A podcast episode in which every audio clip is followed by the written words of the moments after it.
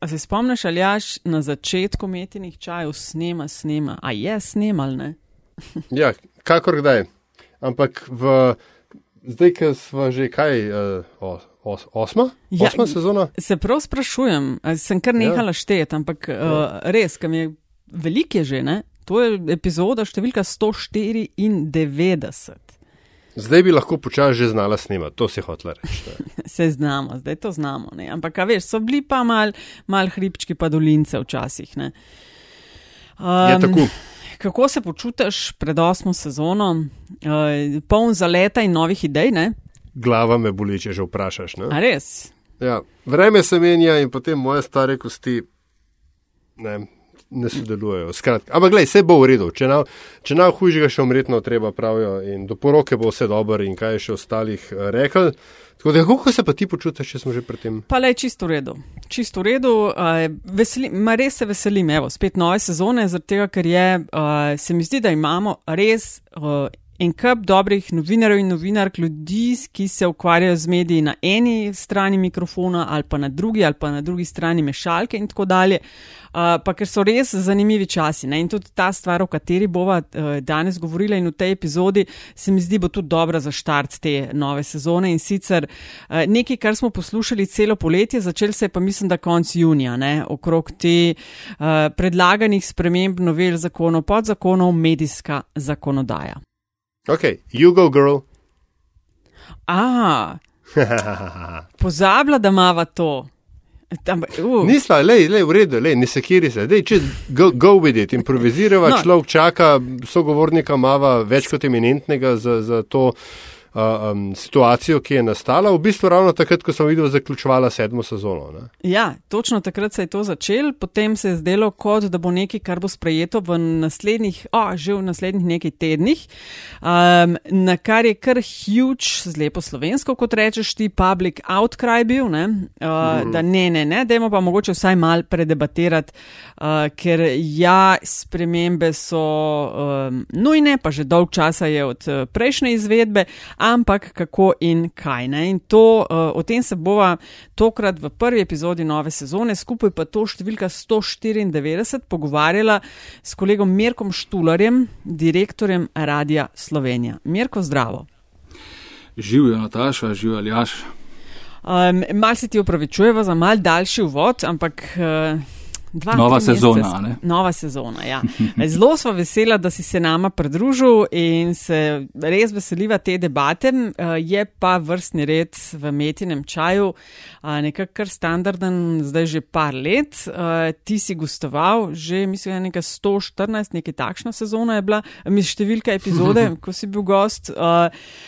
Pa se je vmes malo spremenilo ne? in tvoj status, tvoja funkcija in tako dalje. Tako da vedno začnemo tako in tudi novo sezono, da se gost oziroma gostja mal predstavi. Zdaj pa tep so bile od zadnjega gostovanja v umetnem čaju ene spremembe, pa uh, kar izvoli, da se mal predstaviš, kaj delaš te dni. Uh, uh, amata veliko časa, kaj delam te dni. no, kaj se je spremenilo od zadnjič, se pravi od tiste 114. Uh, epizode? uh, je to, da nisem več odgovorni urednik Vala 202, ampak direktor Radia Slovenija um, je kar sprememba, narečem, um, na bolje. So pa tudi točke, ki se jih ne veselim tako zelo, kot sem se morda uh, veselil uh, prej. Na mesto odgovornega urednika, in seveda še prej, ko sem delal pred mikrofonom, na tak način, kot zdaj sedim pred mikrofonom. Um, s čim se ukvarjam? Ukvarjam se Hmm. Z načrti za leto 2021, uh, eh, tako programskimi, predvsem pa kadrovskimi in finančnimi um, za Radio Slovenija. Uh, ukvarjam se z uh, reorganizacijami, ukvarjam se s številkami, ukvarjam se z medijsko zakonodajo, um, ukvarjam se z odmetavanjem težav, uh, in ukvarjam se zelo veliko sodelavci, na katere računam uh, in s katerimi še vedno izjemno rad delam. Evo, tako strnjeno na kratko. E, točno o vsem tem te bova prej sprašala uh, do potankosti, uh, ampak dej najprej povej, kaj si že majčkan omenil, kakšna je razlika med biti odgovorni urednik Vala 202 uh, in tem, kar zdaj počneš, torej, ko si direktor Radia Slovenija, se pravi vseh programov, enka, dvojka, ars in tako dalje. Um, v načelu bi rekel, da se narava dela pravzaprav ne razlikuje tako zelo. Gre za vodenje, gre za usklajevanje, gre za timsko delo, gre za načrte in tako naprej. Ampak uh, po drugi strani je pa kar precej um, drugače. Namreč širina ali pa fokusa. Ne? Če si prej kot odgovorni urednik uh, lahko fokusiran. Uh, na en program, na vse njegove segmente, um, na različne oddaje in si dejansko še vedno razmeroma blizu uh, programa, razmeroma sem rekel. Uh, je pa zdaj to precej drugače, zaradi tega, ker je fokus na zelo različne in drugače formatirane programe. Če vzamemo prvi, recimo izrazito informativni, uh, Val 202, nekaj posem drugega, nekaj čisto tretjega, program Ars, umetniška radiofonija, uh, kulturno-umetniški program in tako naprej.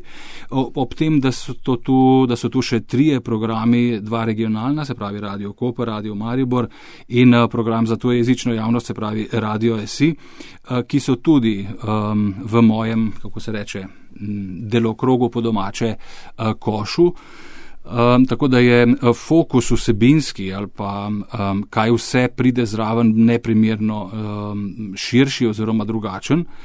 In to prenese za sabo tudi um, uh, neke drugačne dileme, se pravi, eno, eno, vsaj eno raven više dileme pri vodenju. Ne? In seveda to pomeni tudi uh, oddaljevanje od neposrednega radijskega, programskega, vsebinskega dela, ki sem ga bil vajen pretekla desetletja, pa tudi še v dobršnem delu kot odgovorni urednik. Uh, in še nekaj je. Ne? Um, zdaj to pomeni delo ali pa ukvarjanje z recimo pravnimi dilemami, čist krovnimi, ki so lastne celi hiši RTV Slovenija, uh, zakonodaji, uh, spreminjanju organizacije, krovne in tako naprej. Uh, to so v bistvu uh, take kar konkretne uh, razlike v primerjavi s tistim, kar sem počel prej. Sej ne, da se tega ne bi vsaj mečken dotikal že prej kot odgovorni vrednik, ampak v neprimerno manjšem obsegu. Evo. Uh, Mirko, preden gremo na um, slona v ne, sobi, ali kako se temu reče, spet v lepi slovenščini, se pravi spremembe, napovedane spremembe medijske zakonodaje, mogoče vendarle, ne, ker se, se mi zdi, da je nasploh pri nacionalki in pa v radijskem delu nacionalke tudi um, v javnosti premalo tega vseobsežnega zavedanja o tem, kaj vse vi tam počnete. Sam si omenil šest radijskih programov, takih ponokrvnih, ne, uh, en, dva, tri, pa Radio Slovenija, pa oba regionalna, ampak kaj to. Ampak, in to je samo v bistvu zatečeno stanje, ne, da ne govorimo o vseh inovativnih prijemih, ki se jih na, na radio greste, pa se pravi, DAB že nekaj časa obstaja, ne, ampak smo še vedno Slovenija nekaj le na pol koraka tam. Skratka, kaj radio Slovenija dan danes je?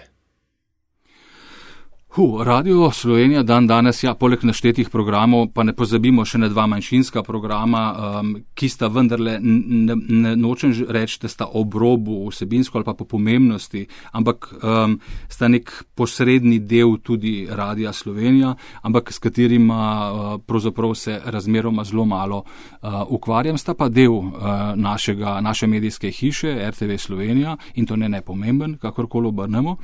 Um, poleg tega se pravi programov kot takšnih, celoten digitalen, uh, digitalni kanali oziroma uh, digitalne platforme in svetovi, ki um, so, kot vemo, že leta pravzaprav zelo, zelo pomembni uh, za klasične medije, za nas in sicer za odnos do javnosti. Uh, potem je tu še cel um, segment uh, skrbi za jezik, to namenoma uh, izpostavljam, ker se to na prvi pogled sploh ne vidi, ne, ker ni programa za lep slovenski jezik, ampak so vsi programi s tem prepleteni, potem izobraževanje govorcev, um, potem glasbena produkcija, podpora glasbenim, um, glasbenikom v Sloveniji, glasbeni ustvarjalnosti um, na zelo žanrsko, zelo, zelo različnih področjih, od klasične glasbe do, do popularne rock glasbe in tako naprej, zborovske glasbe, potem sodelovanje intenzivno z našimi glasbenimi sestavi, se pravi s. Um,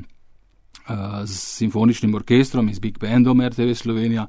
Um, Potem so tu še neke tudi ne, nevidne ali pa manj opazne uh, zadeve, um, kot so izobraževanja mladih uh, radijskih novinarjev in tako naprej. Vse to je danes Radio Slovenija, pa še bi lahko neke zelo parcialne stvari našteval. Niso samo neposredno programi ali pa vdaja, ki je morda tebi, vama, njim nekomu všeč, ne? uh, ali pa nek voditelj. Za tem se skriva še res celoten, um, precej obsežen paket zadev, ki jih počnemo in s katerimi se ukvarjamo, in eh, celotno področje družbene odgovornosti, ki je, jaz sem prepričan in dejansko v praksi in tudi na načelni ravni z uh, lastno pač javni uh, medijski ustanovi, ne pa komercialnim radijskim ali pa medijskim hišam, uh, niti približno do te mere. Se pravi, kupica projektov, ki uh, to družbo na nek način plemenitijo oziroma ji pomagajo, ji tudi kažejo, nastavljajo ogledalo. Um, tu smo zato, da od družbe marsikaj dobimo, ampak tudi družbi moramo na, na tisoč in en način vračati na, na res zelo, zelo različne, v različnih oblikah.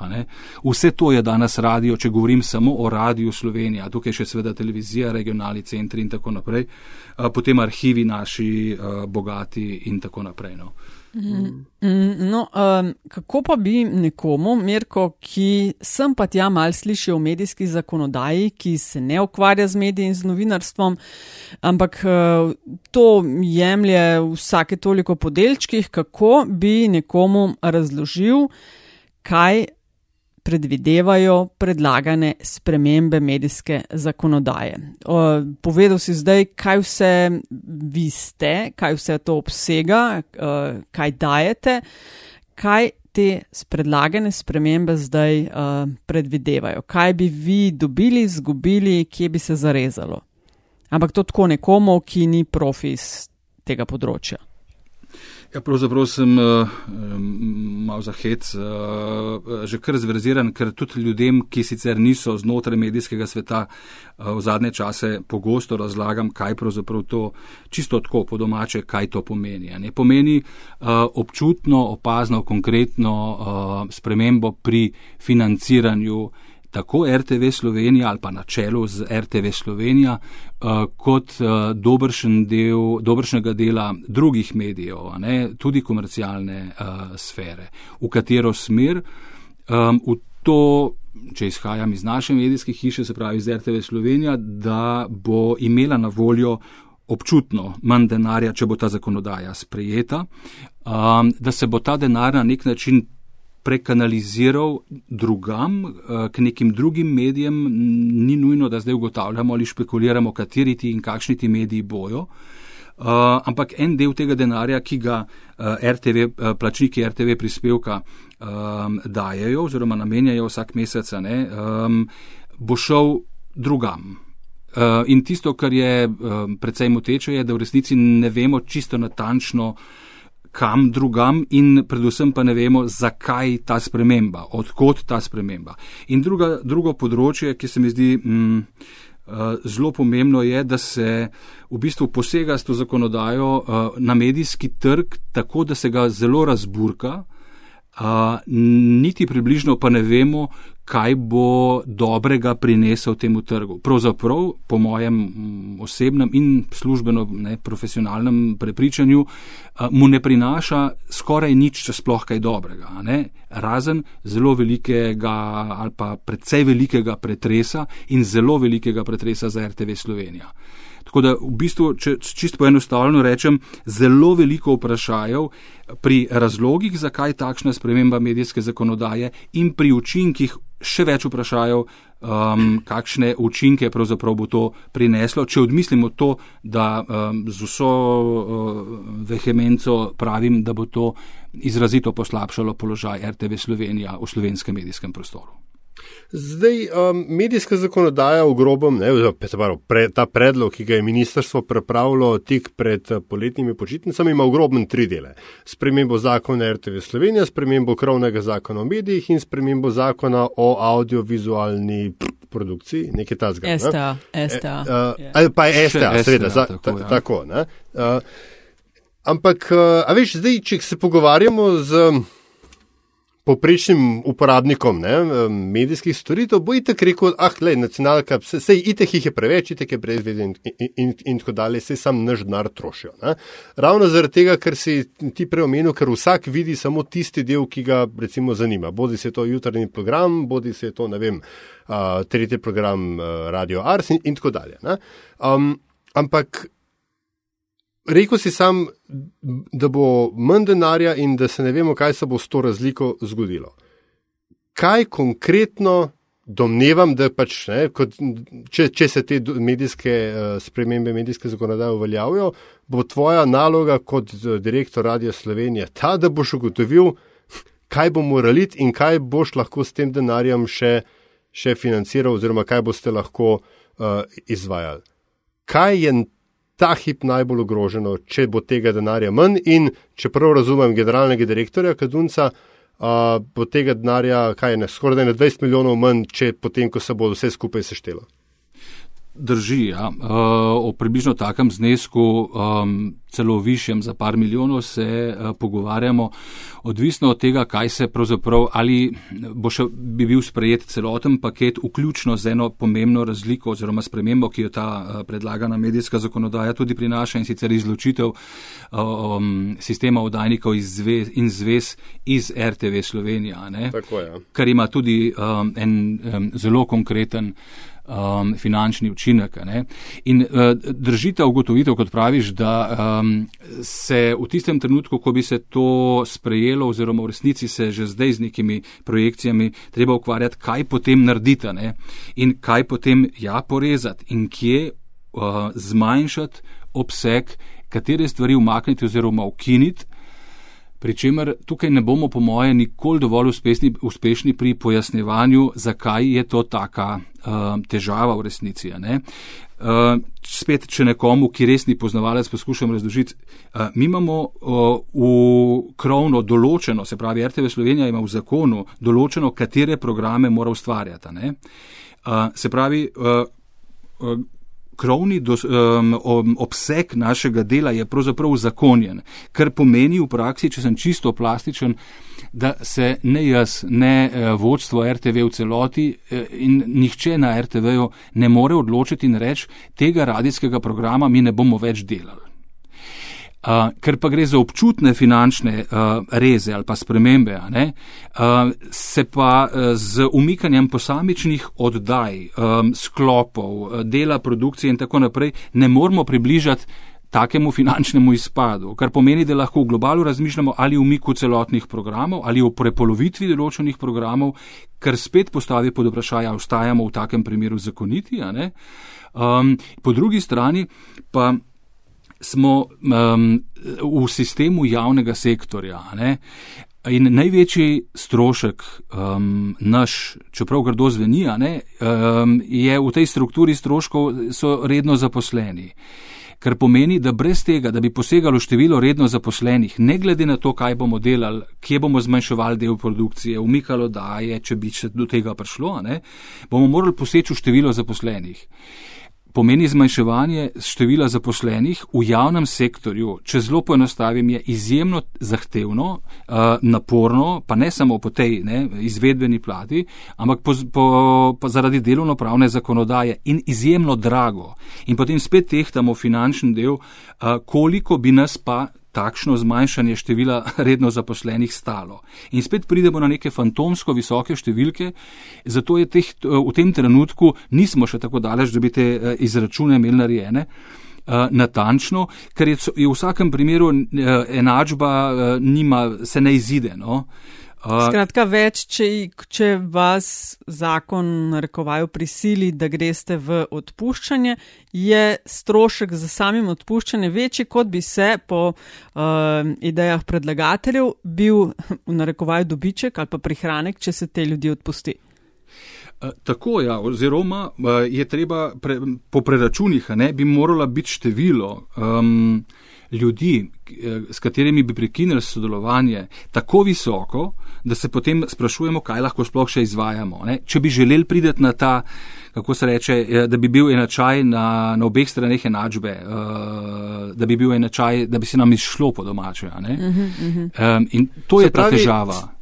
Se pravi, čakaj, zdaj, če zelo strnem vse skupaj, vas ustanovitelj Republike Slovenije postavlja v situacijo, kjer ne boste mogli izvajati nalog, ki vam jih je ustanovitelj Republike Slovenije zadal z vašim izvornim zakonom.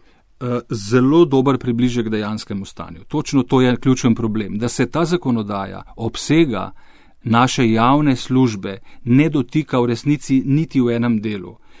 In tisto je, kar želimo sporočiti in sporočamo in dopovedujemo tako zakonodajalcu, kot javnosti v resnici, da če se naredi taka sprememba pri financiranju, ne more ostati na drugem delu zakon nedotaknjen. Mm -hmm. Pri obsegu, pravi, kaj vse delate in kaj morate delati.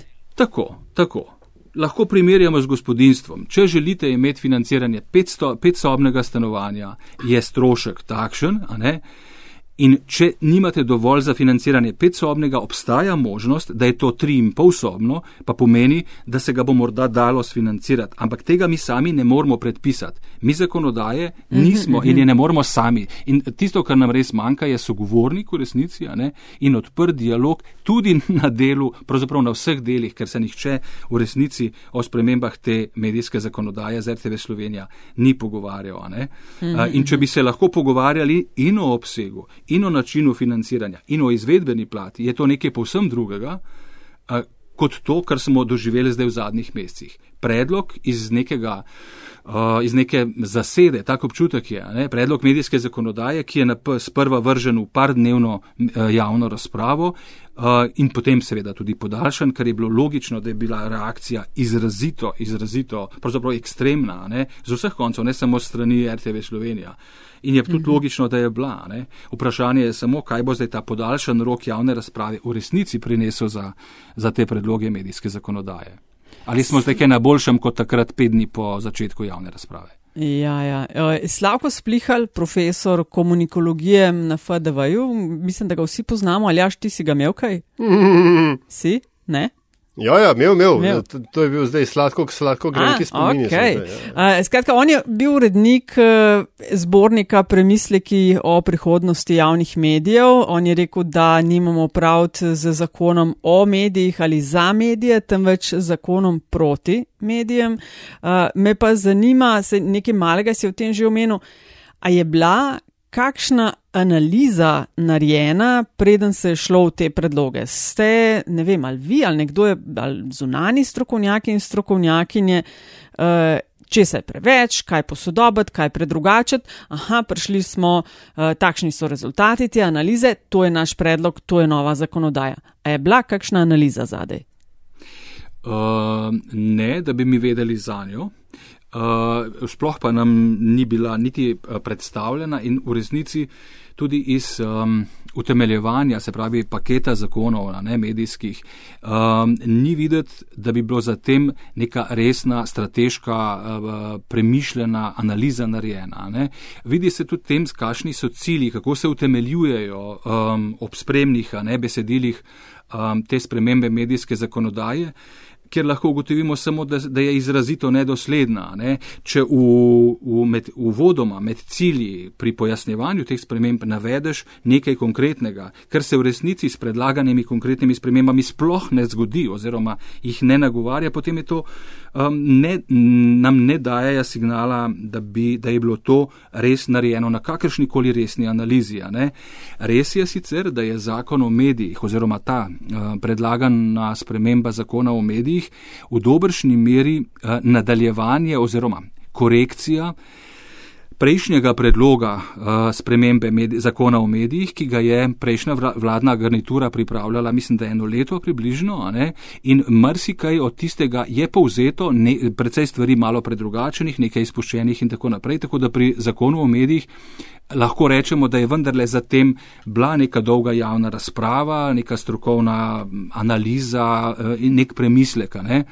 Ampak spet, korekcije so bile tudi tam narejene, uh, tako kot, si, kot meni trenutna, uh, trenutna oblast oziroma um, Ministrstvo za kulturo, kaj je treba z zakonom o medijih narediti. Ne, ne drugače pa um, moram reči, da tega ne, ne. ne vem, zakaj te analize ne bi potem na vse zadnje tudi z vsem pompom predstavljala. Vse ključno aha. je to. Ne. Prav, ni bilo neke zunanje analize, vendarle se je šlo v predloge spremembe zakonodaje. Ampak uh, zdaj mi dva zalažem, res skozi vse te sezone redno debatirava uh, z ljudmi iz RTV hiše in od, po mojem se ne motim ali jaz, če rečem, da od prvega do zadnjega vsi povejo, da neke spremembe so možne. Uh, ne, ne da so možne, ampak da so nujne. Zdaj pa, če vi niste neke zunanjih analiz ni bilo, a ste znotraj hiše naredili v vseh teh letih sami kakšne analize, to pa to, moramo začeti delati drugače, klemamo premalo ljudi, klemamo preveč ljudi in tako dalje. Ste vi sami to naredili mogoče? Absolutno da. Uh, pravzaprav še odprej, ko sem bil odgovorni urednik, sem v bistvu bil del nekih uh, procesov, uh, projektov in tako naprej. In tudi sam na primeru enega pro, programa, zdaj pa na primeru pač Radia Slovenija, um, počnemo tako analize, pravzaprav se morda se bo celo kdo spomnil, ne, da ko sem prevzemal mandat direktorja, da je bila moja prva ali pa ena ključnih stvari, je bila ta, da se naredi res celovita analiza stanja in predvsem tega, kaj Radio Slovenija uh, v javnosti doseže, kakšen je njegov učinek in kakšen bi moral biti, ker če želimo postavljati cilje, enoletne, dve, tri, štiri, petletne cilje, kaj bi želeli, da Radio Slovenija v tem prostoru ali pa temu prostoru daje, potem moramo vedeti, kje danes smo. In to smo devet mesecev ob vseh rednih stvareh počeli. Tako do tega najlažje je pogledati sicer raziskave o poslušanosti in reči, ok, trendi so taki, doseg je tak, rejtingi so taki in tako naprej. Ampak tisto, česar se pa navzven ne vidi, ne, so pa v bistvu analize našega notranjega ustroja, se pravi organiziranosti delovnih procesov, učinkovitosti teh delovnih procesov, organizacije, sodo, posodabljanje organizacije in tako naprej. In to je v bistvu nekaj, kar je pravzaprav že kar stalnica zadnja leta. Ne? In tudi, če, boste, če se boste pogovarjali s kom, ne vem, od, od sodelavcev, odgovornih rodnikov in tako naprej, ena od ključnih stvari, s katero se ukvarjamo, je kadrovsko posodabljanje, ne zdaj. Potem um, posodabljanje produkcijskih procesov kaj v bistvu, kako nastane neka oddaja. Ali je tak način, kot jo delamo zdaj, še vedno dovolj učinkovit, dovolj sodoben, ali je rezultat dovolj dober ali ne. Ali lahko to naredimo na drugačen način, z digitalnimi pripomočki, s skrajšanim delovnim procesom in tako naprej. Mislim, lahko pa pogledate na vse zadnje tudi številke zaposlenih ali pa številke stroškov, ki pa tudi ne kaže, zdaj govorim za Radio Slovenija, ker sem pač tako ne, radijsko. Ja, ja. Ne, um, ne morem. Ne morem mim tega, da, da niti številke ne kažejo drugače, ker pomeni in analize so za tem, in cilji so za tem, in na vse zadnje tudi neki učinki, ki jih prejemamo od javnosti uh, in ki so se morda ravno letos v času epidemije tako um, drastično nam pokazala, ne, kaj pravzaprav um, mi tej, um, tej javnosti dajemo, koliko smo vredni in kje smo vredni kritike. Mm. Sej, ravno, ravno to, ne, ker je radio v širšem in seveda Radio Slovenija kot, kot uh, vodilne na tem področju v Sloveniji, je pri vsaki, kaj je to, ne, ne bomo rekel zdaj katastrofe, ampak vsakič, ko je neko um, izredno stanje, a je, a je to epidemija, a je to potres, a so to poplave, pač nekaj, kjer ljudje, uh, kjer je obveščanje ključnega pomena, je Radio Slovenija tam, ne, ker ima infrastrukturo, ker ima ljudi, ker ima mrežo in je tudi tisto, v bistvu, se mi zdi, ta javna funkcija, ki jo, ki jo, ki jo dajete ne, in, in zaradi česar vas imamo in vas plačujemo, če, če zdaj zelo grobo rečem. Ne. Ampak če zdaj od te hvale preskočim na moje drugo vprašanje. Rekel si, da vas ni nišče vprašal, da se vi nimate v bistvu s kom pogovarjati, ker se da, se, da ne poteka dialog okoli te pred, predlogov spremembe zakonodaje. Ampak tiho pa niste bili. Tisto, kar, kar je mene presenetilo, pozitivno, je, da se je inštitucija RTV Slovenija, da so se STA vsi, vse te inštitucije javnega sektora, ki bi jih to prezeli, pa tudi druge ne, v, v, v, v sektorju, da so se enkrat za spremembo postavile na zadnje noge. In zdaj moje vprašanje tebi je, a je to res toliko hudo od siceršnjega oranja politike po Radio Slovenija, po RTV Slovenija, da je bilo to treba narediti, ali je prišlo do splošne spremembe mentalitete v odnosu med mediji, javnimi mediji in politiko? Um, dve, dva dela odgovora. Je hudo, tako hudo, da kliče po um, radikalni reakciji. Um, in drugič, ugotavljamo, da tu ne gre, uh, lahko se malo grdo izrazim, ne gre za lastne riti več samo. Ne? Gre za to, da se slovenski medijski prostor utegne radikalno spreminjati in to ne na bolje bolj ko se trudimo odkriti, kaj dobrega bi ta sprememba prinesla, manj uspešni smo, če sem čist konkreten. In ko pomislimo, in kdo drug bo v Sloveniji, v slovenskem medijskem prostoru, um, pa bolj skrbel za to, kaj se bo z mediji v Sloveniji dogajalo kot javna radio televizija, z vsemi upravičenimi kritikami in šibkimi točkami um, uh, vred. In tisto, kar se hitro prevede, niste samo kritični, nimate samo refleksije, niste dovolj dobri in delate napake. Vse to lahko tudi drži. Ampak ob takem spremembi zakonodaja, ki sicer na prvi pogled, ampak res samo na prvi pogled, deluje kot neka, celo omenjeno je bilo, da je neka minimalna kozmetična, da gre za kozmetične popravke medijske zakonodaje, v bistvu res, če sem mečka, samo malo analiziraš, ne, vidiš, da, da pomeni takšno predrugačenje v smeri, kako bi rekel, da se javni mediji v bistvu ošibijo ali pa da se njihov vpliv, njihova veljava, njihov pomen v, v družbi tako zelo zmanjša, da ni čudno, da je bila takšna reakcija strani medijev. Um, ker običajno je bilo tako, ko je šlo za spremembe uh, medijske zakonodaje, je vsak pregledal, aha, kaj to pomeni za me, kaj to pomeni za me, je pogledal drugi in vsak je pri sebi začel po svoje, po lobističnih, takih političnih in tako naprej navezah, urejati svoj status. Zdaj pa očitno, da, se, da, so, da je celoten paket teh sprememb prvič zadeva domala vse segmente naše medijske krajine in po drugi strani vse ključne akterje na našem medijskem trgu, kar pomeni, da so se, eh, in ko so vsi pogledali, kaj to pravzaprav prinaša, me ta reakcija, ki je bila res nadpovprečno močna ali pa nikoli tako, tako, tako dramatična, ne, sploh ne preseneča.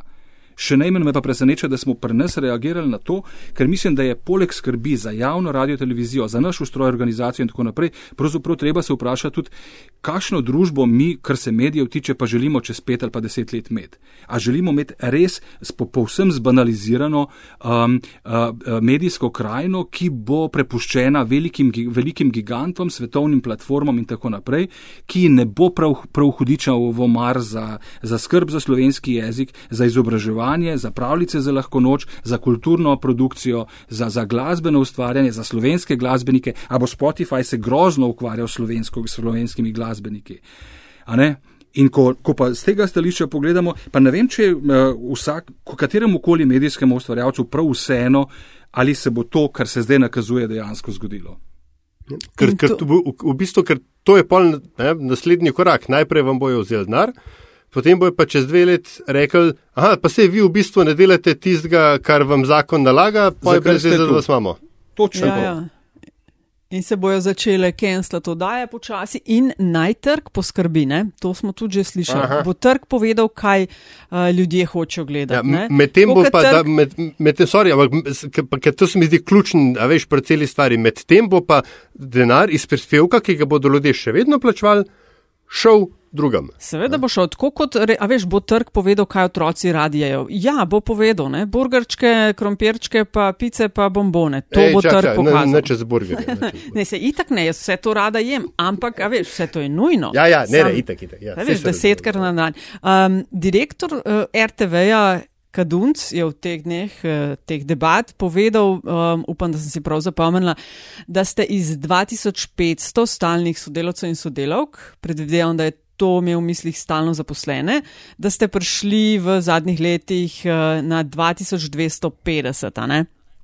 A je to prava Ja. številka? Koliko tega, zdaj. Ja.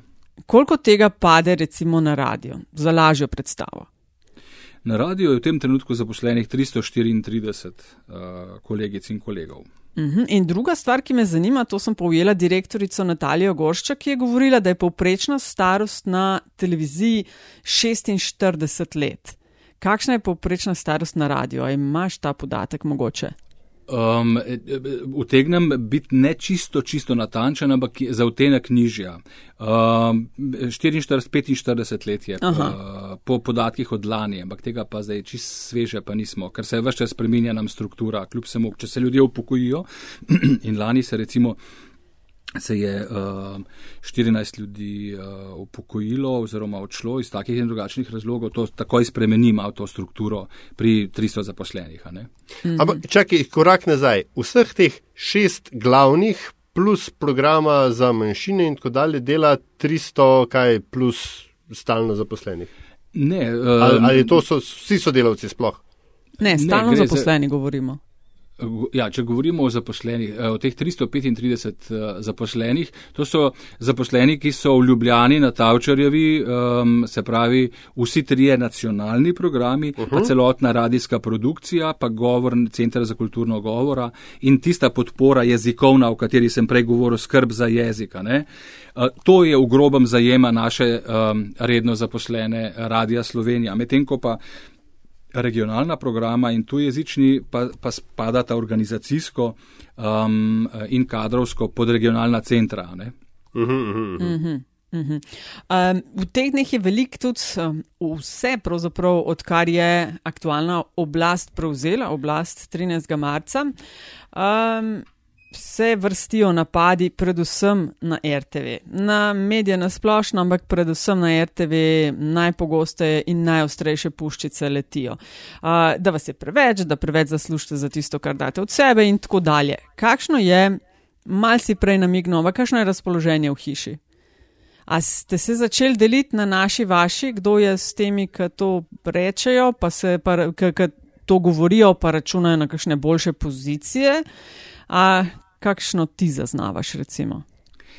Um, najlažje in uh, pravzaprav edino, kar lahko res z mečkem bolj gotovo, več gotovosti rečem, je to, kar se v radijski hiši dogaja. Ne? To sicer, da, da taki impulzi ali pa močan, močne kritike ali pa m, pritiski in tako naprej, ne, um, uh, da to pripelje ali pa potegne za sabo tudi razmisleke, kje je kdo in tako naprej. To sem prepričana. Ne? Ampak za radijsko hišo uh, bi pa nasploh ali po celoti lahko rekel, da je to pravzaprav minimalno. Jaz tega pravzaprav osebno sploh ne zaznavam. No? Um, mm -hmm. Ali pa mogoče kakšen drobec, kje, da se kdo malo bolj, malo manj strinja. Dejstvo pa je, da je to na agendi. To je v debati, ker ob takšnih, bom rekel, odzivih, če sem res zelo neutralna, ne, na naše delo. Eh, Ne mor, mislim, redko kdo ostane um, hladen. Ne? Se pravi, to je na agendi, ampak da bi pa to povzročilo zdaj naši, vaši, kdo ima bolj prav in tako naprej. Jaz mislim predvsem, da smo dokaj, um, dokaj enotno na strani medija, ne? Uh -huh. ne, ne na kateri politični strani. In to je itak ena past, ki sem jo jaz mogoče neparka zdaj v javnosti tudi že omenil, ne? da se poskuša nam um, na nek način uh, usilt debato, čigavi smo. Se pravi, eni, in če seveda eno politično opcijo uh, vprašate, bo rekla, da smo od drugih, drugi pa, da smo od prvih. Zdaj, odvisno je pa od tega, kdo je bo v nekem trenutku bolj glasen. Ampak to ni naša debata. To ni naša debata, da se bomo opredeljevali, čigavi smo. Ne? Mi smo na strani javnosti, samo od javnosti smo. In seveda, ja, bo vse vsak hitro reče, ja, pa se javnost je pa tudi politično opredeljena, eni so taki, eni so taki. Drži. Ampak to, da bi pa zdaj mi se šli debatirati, ne, kako sovražni smo do te vlade, kako smo do, do prejšnje, ali smo, um, ali smo sovražniki te vlade, ali smo prijatelji te vlade. Mi nismo ne eno, ne drugo. To je pravzaprav nerelevantna debata in tja nas vlečejo, ampak politika bo vedno poskušala vleči v politično, na, v politično uh, vodo, vode nas, ne? na političen led. In tisto je, to je največja nevarnost, ki jo pravzaprav uh, imamo. In zdaj, če se bomo še znotraj radija začeli pogovarjati o, o, o tem, kje smo bolj, čigav je kdo in kateri. Mi imamo svoje dožnosti do javnosti, biti maksimalno profesionalni in mi vemo, da obstajajo kriteriji za, za, za večjo, kaj pomeni bolj biti profesionalen v novinarstvu ali pa v mediju, kot kaj pomeni biti manj profesionalen. Mi ne rabimo politike, da nam govori, kaj je politično, pa kaj je pristransko, kaj ni pristransko. In tudi ne govorimo o tem, da se zdrsi ne zgodijo tudi v programu, ampak samo na podlagi tega ocenjevati celotne inštitucije in celotne produkcije, ki jo delamo, ker to se pa redno dogaja. Na kaj politika reagira? A kdaj reagirajo na komentar slabega športnega tekmovanja? Oziroma, če se naša ekipa ali pa glasbenik ali pa znanstvenik slabo odreže in ga pri nas v programu skritiziramo. Ali ste kdaj zasledili to, da bi se kdo priglasil in rekel, vi ste pa zdaj uh, tako naštimani ali pa to ni v redu, to ni profesionalno. Gre izključno za diskurs v politiki. Ko pa, pa, kritiziramo, ko pa kritiziramo neko odločitev vlade, smo pa kar naenkrat politični, sovražniki ali prijatelji, te ali ena opcija in tako naprej. Ne? Kaj pa zunani pritiski, Mirko? Um, mogoče, ne vem, takšen je moj občutek, da kolegi in kolegice z televizije, um, vsaj vodstveno osebje, uh, da jih ne šparajo, da je kar hodo. Kako je um, pri vas, radicih in radikah, zunani pritiski? Ne zdaj mhm. notranji, o čemer smo, Razumem. zunani. Ja. Um, tega je razmeroma malo, neprimerno manj se ukvarjamo s tem kot televizijske kolegice in kolegi. To moram priznati in to sem, mislim, naj ne zveni na robe, ampak sem vesel, da je tako. Ne, ne zaradi tega, ker, mislim, ker bi mislil, da je prav, da se to dogaja televizijskim kolegom, ne? ampak zato, ker mislim, prav, da bi se vsem morali tako dogajati kot nama. Ne, ne, ne, ne, gremo, ne grem mimo brez, brez prask, brez poskusov, brez in tako naprej, ampak to niti približno ni tako radikalno, kot je recimo s televizijskimi kolegi, kolegi in kolegicami. Um, tisto, kar bi eh, še izpostavil, je, da v javnosti se praviloma razpravlja o kritičnih ali pa um, takih um, napadalnih odzivih, če tako rečemo. Ne? Eh, premalo krat se izpostavlja, da mi prejemamo tudi zelo številne ne, eh, odzive, ki pa niso tako enoznačno ali pa sploh niso kritični, nasprotno, spodbudo, pohvalo, do tja, da rečejo, jaz dam tu 2 evra več za RTV prispevek, zaradi tega, ker eh, menimo, da delate prav, ker menimo, da delate za javnost. Ne. In to je tisto, kar je nam najpomembneje. Na take so tudi kritični odzivi, nisem zadovoljen s tem, mislim, da bi moralo biti tako in drugače. Ampak ne glede na to, nismo tako na udaru uh, te neposredne in najbolj razupite, razupitih odzivov ali pa kritik uh, na račun RTV Slovenija. Aljaš? Uh, ja, um, ne, sej. Um... Tisto, kar je. Vič, to je vse super. Mene zdaj ključno vprašanje tukaj ne, je, kako naprej. Zdaj uh, oblast ima zadnje čase to tendenco, da tera svojo, ne glede na vse, pa pač, uh, ker ne, kaj že imajo 46 glasov. Ampak uh, ta angažma medijske in civilne družbe je pa tudi nekako, kot si sam rekel, precej radikalen in brez predsednica v Alpa. Uh, se pravi, nedavnega predsednika v, v Sloveniji in se mi mal imam občutek, kot da prehajamo v to situacijo, uh, veš, kako že, uh, irresistible force meets immovable object. kaj naprej, kaj, kaj se bo po tvoje zgodilo? Uh. Eh, zelo nehvaležno špekulirati, kaj se bo zgodilo. Um, zdaj, okay, raje bi govoril o tem, kaj ja. upam. No, kaj, upam, tako, ja, se, kaj bi se ja. moralo zgoditi, recimo. Okay, ja. Uh, pa ni nujno, da je enoznačno. Ne? Zdaj lahko reče, pričakujete, da bom rekel samo to, da je treba to zakonodajo opustiti, ne? te predloge opustiti in to dejansko tudi pravim. Ne? Ti predlogi za slovensko in medijski prostor in za slovensko javnost niso dobri, za javnost so škodljivi. Tudi za medijsko krajino so škodljivi. Po drugi strani pa, da ne bomo rekli samo tega, ker ne želim samo to zavračamo in puste nas pri miru. In to se nam tudi večkrat očita, včasih morda dejansko tudi dajemo tako tis, da se nas pa ne spreminja. Mi pa interno vemo, da se spreminjamo pravzaprav iz tedna v teden. Morda ne dovolj hitro, morda ne dovolj učinkovito, Tudi to eh, moramo vzeti v obzir, moramo se pa zavedati, da smo znotraj javnega sektorja. Ne? To povzamem kot alibi ali pa kot mehen, mehno opravičilo tudi za to in ne glede na to. Ne? Jaz predvsem mislim, da, da če želimo dobro uh, uh, medijem ali pa predvsem za slovensko javnost, moramo ta dialog na nek način vzpostaviti. Ne?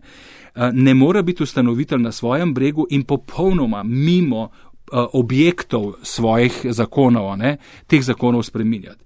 To mislim, da je vsakomor popolnoma jasno. Če, ste, eh, če sta vidva lastnika nekega podjetja, a boste spreminjala krovne okvirje, ne da bi se kakorkoli ukvarjala s tem, kaj to pomeni za izvajanje tega. Ne? Zlasti, če želite imeti dober produkt na koncu. In jaz mislim, da bi se moral ustanovitelj enako brigati, če sem čisto po domače izražen, za to, kaj bo RTV dala od sebe. In s tako ad hoc spremembo zakonodaje tega pač ne bo dosegel. Se pravi, to je to. Druga stvar, treba se res začeti intenzivno pogovarjati na ravni ustanovitelj RTV Slovenija, kakšen bo status te RTV Slovenija čez dve, tri, štiri, pet leta. Ne? In ali je njena umestitev, ali je, bom dal z vprašanjem na koncu, ne? ali je umestitev RTV Slovenija v javni sektor, tako kot je danes umeščena, skladna z neko logiko medijske organizacije, kjer se v celotno okolje, celoten medijski prostor izjemno hitro spreminja. Javni sektor pa vemo, kako hitro se spreminja in zakonodaja, ki je na vsakem koraku v bistvu odločilna za to, kaj bomo mi počeli. Ne samo to, da imamo mi medijsko zakonodajo, ki je zelo, mi smo hiperregulirani v bistvu RTV Slovenija ne, eh, z zakonodajo, ampak po drugi strani tudi delovno-pravno zakonodaja. Kako hitro spreminjati kadrovsko sliko? Pa ne govorim samo o odpuščanju. Govorimo o vsako vrstni fleksibilnosti, tudi o zaposlovanju, tudi o mobilnosti znotraj delovne organizacije in tako naprej. Se pravi, ta fleksibilnost je neprimerno manjša, kot bi jo medijska organizacija morala imeti. Ne? In te stvari moramo nagovarjati. Ne pa z ad hoc macolo, namenoma pravim to, uh, uh, tri oziroma v resnici štiri medijske zakone, um, uh, spremeniti tako. Trikrat kliknem, pa je stvar rejena. Zato, ker lahko. Ali zakaj? Ali zato, ker bi želeli kaj drugače, kaj boljšega, da ste v Sloveniji, tej naši družbi, ko govorimo o medijih. Uh, dokdaj imaš mandat, Mirko? Uh, še dve leti, dobri dve leti. to, je bilo, to je bilo resno vprašanje. A je bilo s, prid, s pridihom ironije? zlo, ne, samo da vidim še ja. dve leti zelo zanimivega, najmanj zelo zanimivega obdobja, te čakata. Ja, zelo pomembnega tudi. Tako da mislim, da, da oba dva z Aljažem zelo navijava za predvsem zelo dober uh, javni uh, medij in ne manj več tega, bi rekla, uh, rabimo. Ne. Vedno pa Je so tako. možnosti za izboljšave. Ne. Uh, Mirko, pripeljani. Uh, in mojim kolegom, če lahko dodam iz ušes, to najbrž že gledam, ne, vedno je možnost, da nekaj popravimo, da nekaj izboljšamo. Ne. Vedno in čist pri vsaki stvari. Tako da, da tega stavka verjetno so se že malo najedli, ampak vejo, zakaj je tam in tudi z veseljem debatiramo o tem. No. ok, ne bomo dali v naslov, bomo nekaj drugega zalažem našla. Uh, in to nas pripelje, Mirko, do zanimivosti. Ne? To je tudi uh, ena od stalnic metinega čaja. Na koncu vedno gosta in gostjo povprašamo, da z nami deli kakšno zanimivost, uh, zgodbo, anegdoto, karkoli priporočilo. Lahko je, lahko ni povezano s tvojim profesionalnim življenjem, življenjem uh, povsem uh, po tvoji izbiri in up to you. Tako da izvoli. Eh, s, takim, s tem vprašanjem imam vedno težave, čeprav eh, v bistvu vemo, da ga lahko pričakujemo, oziroma sem ga pričakoval. Ne? Ampak eh, eh, lahko vama recimo rečem, da s, lahko pričakujete neko vrsto konkurence iz naše hiše, eh, k malu, na katero bosta um, se odzvala, po moje. No? Ampak več od tega ne bom povedal. okay. Nekaj, kar bo, um, verjamem, uh, dober predmet debate. No? Uh, za, pa ne nujno z mano, ampak za naslednjo klepet, če bo kdo morda od mojih kolegov ali pa konc koncev jaz uh, ob kavi, če ne ob čaju, uh, uh, z vama debatiral. No? Um, to je bolj tako za, za uh, intermeco. Ampak eno stvar, ki se jo pa nismo, ki se nismo dotaknili, uh, je pa ta epidemija oziroma uh, korona in radio v času korone. Pa zdaj to v bistvu je zanimivost, um, je pa povezana s tem, kaj smo počeli, pa predvsem kako smo se imeli tukaj ne, uh, v času epidemije, če odmislimo vsa možna zaščitna sredstva in maske in, in, in tako naprej in rokavice. Uh, in tisti strah in negotovost, ali se nam bo kadrovsko uh, zgodil tako sip, da bomo morali radikalno spreminjati radijske programe. Ker če je 30 ljudi v karanteni v informativnem programu, to pomeni dramo, res dramo. Ne? Za javni radio, takrat, ko nas javnost najbolj potrebuje. Ne? Um, in uh, to sem želel imeti kot zanimivost, ne, kakšne vrste odzivov smo mi vse prijemali in koliko odzivov od naših poslušalcev in poslušalka. Ne. Od takih, ki so, in ne tudi jaz neposredno, na mail recimo, ali pa telefonski klice, ne, ki so bili na smrt prestrašeni, Eh, ki so rekli, prosim, pomagajte nam še dobro, da vas imamo, do takih, ki uh, so rekli, pa vi ste popolnoma neodgovorno, uh, neodgovoren medij in vi direktor, zato ker dopuščate, da imate koncerte, tiste koncerte doma, v času, ko smo vsi tako ogroženi. Zdravnica mi je pisala, da je kaj tako neodgovornega, kot sem si pa jaz zdaj to prvoščil, ne? da dopuščam, da imamo koncerte v času epidemije, da to je pa nekaj najbolj groznega, kar si lahko, pa nas ima zelo rada, pa nas redno posluša in tako naprej, ampak da nekaj tazga se pa ne bi smelo zgoditi. Ne? In potem smo z odgovornim urednikom eh, Vala 202 napisali tako dolgo pismo, um, kjer smo pojasnili na ta psihološki moment. In nekje vmes je pisalo tudi, recimo, um, ampak kaj pa duševno zdravje te naše družbe, vseh nas v času epidemije, ko smo pozaprti doma ali pa ste, ne, um, ko nihče ne upa ničesar več dati oziroma narediti, ker smo vsi. Bom rekel, stisnjeni v nek ne, na svoje kvadratne metre in tako naprej. Kaj pa psih, psih, psihološko zdravje? A bomo čez šest mesecev vsi rabili psihoterapeute zaradi tega in tako naprej? In potem njen odziv, ko je prejela ta mail. Hvaležnost do konca, kako ona sploh ni pomislila na ta aspekt in kako je to dobro, da nekdo razmišlja tudi na ta način v tej družbi. Skratka, povsem druga slika. V resnici je šlo pa samo zato, da je bila v psiho, psihični stiski in da je rabila povedati tudi to, da je lahko to nevarno, če imamo mi dva glasbenika v 100 eh, kvadratov velikem studiu, da to ni v in tako naprej. Ne? Ampak ta uh, čustven, oziroma um, čustvenost odzivov je po mene mestoma ganila, um, ker nismo več navajeni, da se ljudje s tako privrženostjo ali pa skrbijo ali pa tako uh, emotivno, ne, tako čustveno uh, odzivajo na karkoli, kar od radia ali pa od medija dobijo. In to je bilo nekaj, kar je mene prvič res presenetilo, intenzivnost število tega, uh, pa ta čustvena boj, ker so rabili, ljudje so rabili sogovornika. In če je bil to pač direktor Radia Slovenija, pa toliko bolje. In če se bo treba pol ure pogovarjati po telefonu, sem se pa tako kot sodelavci tudi z, z ljudmi, ne, pa tudi seveda do takih, ki so vmes rekli, lejte, eh, super, da ste tam, dober je, ampak to pa to pa vse morate popraviti. Ne? Ampak to so vse take konstruktivne kritike, ki jih človek vzame. Ampak to je bilo v bistvu ena od takih stvari, ki nas je po koncu zdržala v tistih treh tednih, ko smo imeli tudi okužbo znotraj hiše, pa je bilo vse na glavo, pa je bila vodstvena ekipa res dan in noč na Teamsih in tako naprej in v službi, mi smo bili tlene. Uh, in tako naprej. Tako da je bila res taka uh, naporna, ampak izjemno lepa izkušnja, ko je šlo tudi za neke signale iz javnosti, odnos do javnosti. Pa konec koncev smo malo pozabili, da se moramo z ljudmi tudi neposredno pogovarjati. Ne? Da je radio v bistvu nek medij, ki. Ki pomeni pogovor, ne, ki pomeni to, da se ti, pa jaz, vidva, pa jaz, ali pa ne vem, da, da, da se je nekdo pripravljen in če je to skozi eter, ja, in da je se nekdo tam, ki bo se tudi oglasil na telefon, poklical nazaj, če reče, da, da bi nekdo rad povedal nekaj. To so bili neki radio v 21. stoletju, ki pa je imel ta pridih v njih pravih svojih korenin in vrednosti v družbi, če tudi čez eh, podkaste, koronavirus podkaste in tako naprej. Ampak to je neka taka stvar, ki je mene pravzaprav um, navdahnila, no, ali pa to nas je kar po koncu zdržalo v tistem cajtu, ko je bila taka res čudna situacija, tudi za delati radio, recimo uh, v času epidemije. Evo, ne vem, če je bila zanimivost ali pa Lepo je bilo. zgodba. Je Nataša, se mi zdi, da se je Mirka tudi rabo malo pogovoriti. Ja, sem mi dva kaj, vsak.